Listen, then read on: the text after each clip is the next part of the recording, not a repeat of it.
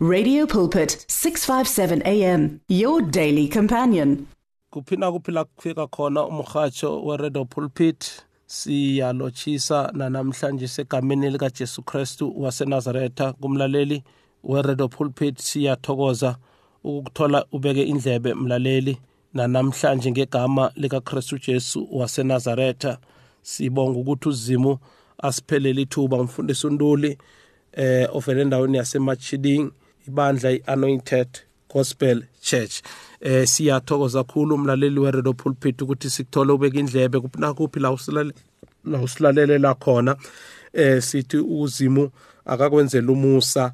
Eh kukho konke la ukhona uzimu asenzele umusa kithi thina sonke eh siyachubeka namhlanje singezwi lenkosi. Eh sisencwadini kaJohn isahluko sika 11 John chapter 11 sifunda khona uverse number 35 36 37 36 no 37 sizokhuluma ngozimo okhonako enable God enable God uzimu okhonako.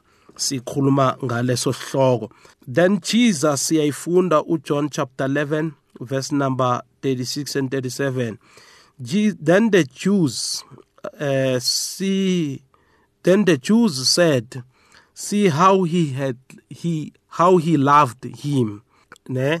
Bese verse number 37 athi and some of them said could not this man who opened the eyes of the blind also have kept this man from dying ngiba ukuthi ke ngifunde ngesi ngesindebele amajuda athi qalani bona ubamthanda kangangani kodwana amanye wawo athi alo nitsho bona owaphophula isiphofu ubengekhe avikele umuntu lobona angafi na. Sithola izwi lenkosi lapha encwadini kaJohn isahluko sika11 siyayazi indaba kaLazaro eh indaba kaLazaro siyayikhumbula sonke ukuthi uLazaro lo uJesu bekamthanda ngendlela erarileko.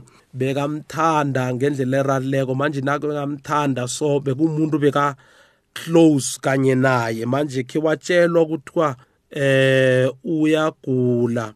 Mara uJesu azange afike ngalesikhathi nakagulako. Manje umuntu omthandako kaningi nabakutshela ukuthi uyagula and u- u- uyaphakama ngaleso sikhathi.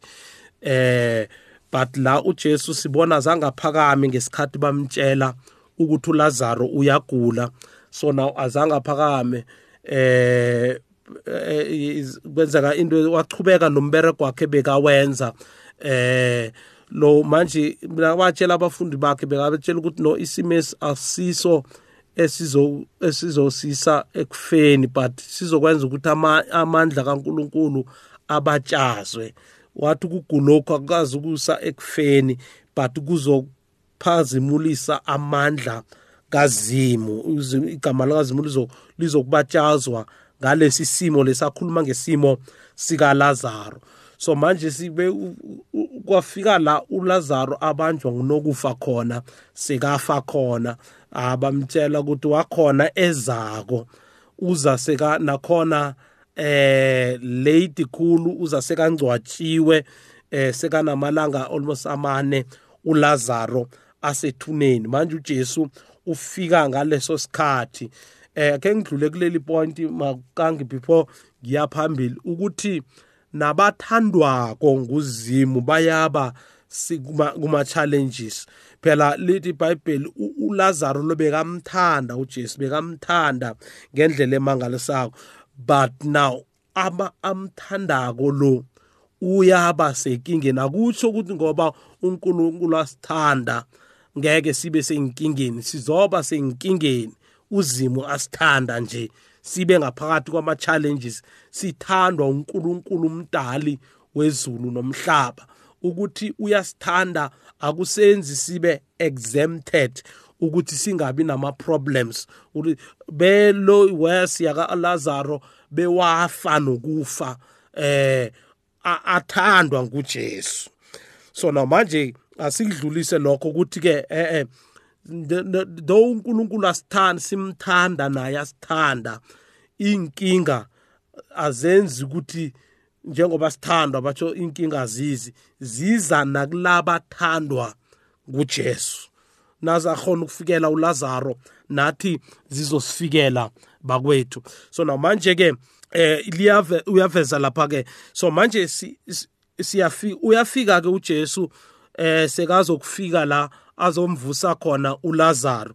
So na ukhulumisana eh wathi nabafikako wathi eh ngibani ngitshele ukuthi nimbekephi? Eh ngifuna ukuthi ngifuna ukubona ithuna lakhe. Bamthatha bamsa ethuneni. Nakafika lapha ethuneni lithi iBhayibheli wathoma walila. Eh wathoma walila. Nenakalilako then abajuda ebebakhona lapho. Bayakhuluma bathi hey bonani indlela ebekamthanda ngayo. Ukuthi babona ngendlela alila ngayo uJesu. Bathi hey bonani indlela lo Jesu ebekamthanda ngayo. Kunaba ngitsho abantu igroup yabantu baningi. So na but kunabanye vier ebe bakhulume ngifuna ukuthi sicale istatement lesi sabo. And some of them eh itsho njalo ithi some of them ifuna kuyifunda la ngesindebele. Ithi kodwana amanye wawo amajuda la athi alonitsho bona ophophula isiphofu ubengekhe ayivikele avikele umuntu lobona angafi na. So now uyababona kunabanye abathi hey bekamthanda. But kunabanye amongst abantu ababathi hey njengoba lo bekakhona ukuphilisa abantu. Njengoba bekakhona ukuphakamisa intshotsha njengoba bekakhona ukuvula abantu amahlo abe bangaboni manje bekekhe akhone na ukuthi avikele lo ukuthi angafi ngoba uyamthanda. Bengekho amvikele na ukuthi unokufa angambambi? Bengekho amvikele na ukuthi ukufa kungambambi? Bengekhe amvikele na uJesu ngendlela angakho nje bengeke na? Amvikele ukuthi bayazibuza bayabuzana bona babodwa because of abantu eh uzimo ukukhonza uzimo okhonako. Eh kungendlela ukuthi i dilemma into yakhona. And uzima kenzi izinto ngendlela ukuthi ngeke akasi remote angeke simenze njenge remote control. Simthathe simse la simse la simpresse sithi no yenza nje eh, nje yenza nje nje yenza nje. Nguzimo okhonako yena nguzimo okhonako. Mara uyababona lapho indlela abakhuluma ngayo ukuthi mara kwakathi njengoba bengakhona ukwenza lapha enza so wayangakenzi la? Uyabona ukuthi njani kanabazi ukuthi i-situation ne-situation udlima udilanayo ngendlela uyathanda indlela eza ngayo. You cannot question god. Ulo kanje ujob kwazama ukumbuza what eh who are you to question me? Ukuthi izinto ngizenza njani? Eh, eh akusikithi ukuthi siyokubuza uNkulunkulu ukuthi why hayi loya umphilisile loya umthengele loya ungibusise ngekoloyi. Why mina ungangibusisi ngekoloyi? Why loya umenzele so? Why mina ungakangenzeli so? Ukuthi asim uzima kufanele simkale ngeprosperity yabanye abantu ukuthi no nakenzele loya ukuthi ukuthi nami uyongenzela ngifuna ngenzele ngalendlela lo ayenzele ngakho loya. Kuzimo okhonako mara ekukhoneni kwakhe akenzi izinto ngendlela thina sithanda ngayo. Wenza izinto ngendlela yena athanda ngayo. Akenzi izinto ngendlela thina sithanda ngayo nesifuna ngayo but wenza izinto ngendlela yena athanda ngayo nangendlela yena afuna ngayo. Jesu nakaye esiphambanweni eh uyabona uJesu naye wathandaza wathi baba nangathana kuyakhonakala isitshe sidlule. Eh eh mara kungenzeki ukuthanda kwami makwenzeke ukuthanda kwakho. Uyabona Eh, kuzima usiya ngokwentando yakhe. Yes uyakhona unguzimo okhonako. Ekukhoneni kwakhe yabona uzimo ulo kanje uJesu nakaye esiphambanweni bekakathi no baba betha abantu abamasotshala betha in in betha abantu aba into esiphambana ingame eh kanti kunendlela ebekafuna ukuthi yenzeke ngayo. It's it's God's will. Indlela kazimu ayisindlela yethu ayisindlela kabanibani indlela kazimu.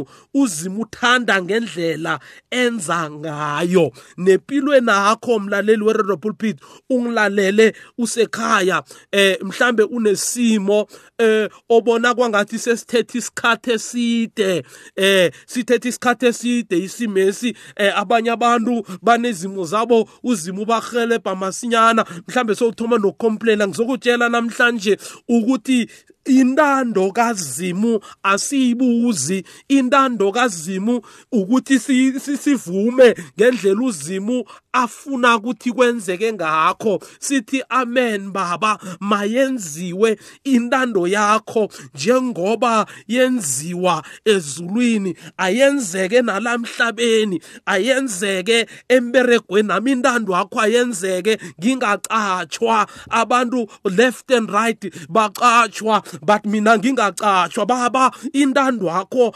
ayenzeke ngigula ngigulela ukufa. Abanye abantu baphile abanye abantu baphiliswe. Mara mina ngingaphiliswa mara baba intando yakho ayenzeke. Angeke ngithemthwe abantu abakhulumako ukuthi hey kwenzakalani ngalomuntu yikoma isimo sakhe solo singapheli. Mara akwenzeke intando kazimu kungenzeka intando yomuntu. Akwenzeka intando kazimu ngaso sonke isikhathi. Let the will of god kube ngiyo that prevail eyenzakalako that happens in our life. Not our will but the god the will of our god the will of our father the will of our lord jesus kwenzeke you're not yethu ngoba nasingafuna ukwenza ngendlela ethu siyofuna ukwenza ngendlela ethu siyokwenza izinto kuyoba nebandlululo elinye mara uzima uyathanda indlela enza ngayo. Ngifuna ukukutshela mlaleli weredo pulpit uthe nakabatshelako la before azokuzakala kulazaro wathi lokhu ukugula lokhu akusi ekufeni but kusa ekutheni kuzokubonakalisa amandla kazimu kuzokubonakalisa amandla kazimu lapha abantu sebakhuluma bathi ah uyakhetha wena eh, eh phela kufana nokuthi lamajuda bekakhuluma ukuthi azimu uyakhetha. Isiphofu wasipholisa usabona mara bengekho khone na? Ukuthi uprevent ulazaro ukuthi angafi ngoba ezinye izinto bakwethu siyangena ngaphakathi kwazo singafuni ujesu bekangafuni isibambano mara waya kiso. Uzimu wathi eh uzokuya kiso. Kunalapho ozokuya khona wena ungafuni uzima akudlulise khona ade la uyokuya. Wena ikolo yakho uzoba ku-accident kunezi uzimnanga kasivelela ifilimu sibone izinto esizokudlula kizo kusasa singasaba singathi asife nje mara uyabona ukuthi uyokufuna ukufa nje ufuna ukuthi ay ay ay amen angisayi phambili. No eh eh kanti eh uzimo kunezinto asifuna ukusidlulisa kizo kuyintando yakhe yintando yakhe esisakizo akusiyintando yethu yintando yakhe esithatha isifake lapha khunye kwesinye isikhathi kungasimnandi intando kazimu. Ufuna ukuthi sidlule lapho uthi uDavide nanoma ngikhamba esigodini sothunzi lokufa angesabi ngoba wena unami. Uyabona ekwenzeni intando kazimu awuyenzi wedwa he is with you. Nanoma kubhlungu kubetha kwesisikhathi ngasimnandi abantu bakhuluma bakutsakela bakupharadela ngezinto zabo.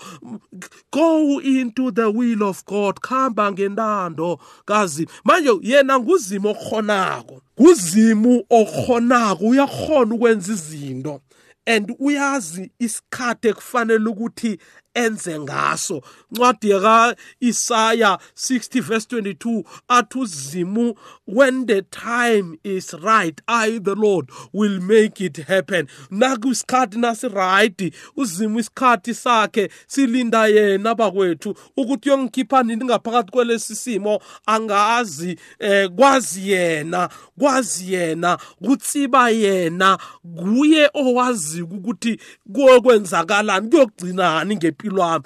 Nguye uzimo he's an able god. Akabhalelwa. Hayi ukuthi angabhalelwa kukwenzela. Net uyayithanda indlela enza ngayo izinto. Ungathi abanye nabaphumelela left and right ebese uthi hayi uzimu kwenzakala niwayangangenza eh eh he's an able god. I-situation yakho uzimu kunendlela afuna ukuyenza ngayo.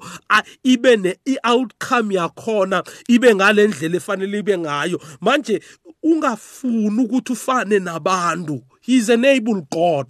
He's an able god. In situation in esimeni sakho he is an able god. The disable god wavuma ukuthi abo abo abo lokanje Shadrach no Meshach no Abednego bakhambi bayokuphoswa ngaphakathi komlilo. Wavuma. Mari nabase bangaphakathi komlilo zange batshe. Why? Because of he's an able god. Uyazivumela ezinye izinto. Udaniel wavuma ukuthi afake emtele ngaphakathi kwesithando sengonyama. Uyavuma uzima kwesizi izinto singene ngaphakathi asiyintando wethu yintando wakhe esisa lapho. Ngikhuluma nomuntu namhlanje otey mina ngisazi. Is bad is from bad to worse. Intando kazima ungayikhweshini ithi baba makwenzeke yakho intando. La ungiholela khona fanele sihlabelele ukuthi lapha siholela khona siyomlandela. Noma kumdisi siyamlandela. Why? Because of we are following after his will. So now labantu bathi lo njengoba bekakhona ukuvusa abantu abafileko bekakhona abanye wabavusa omunye umama wahlangana naye umntwana wakhe bamfake ngaphakathi kwekasi sebakhamba bayomngcwaba. Lithi ibhayibheli ujesu wafika wathatha ikase la wavuka umntwana.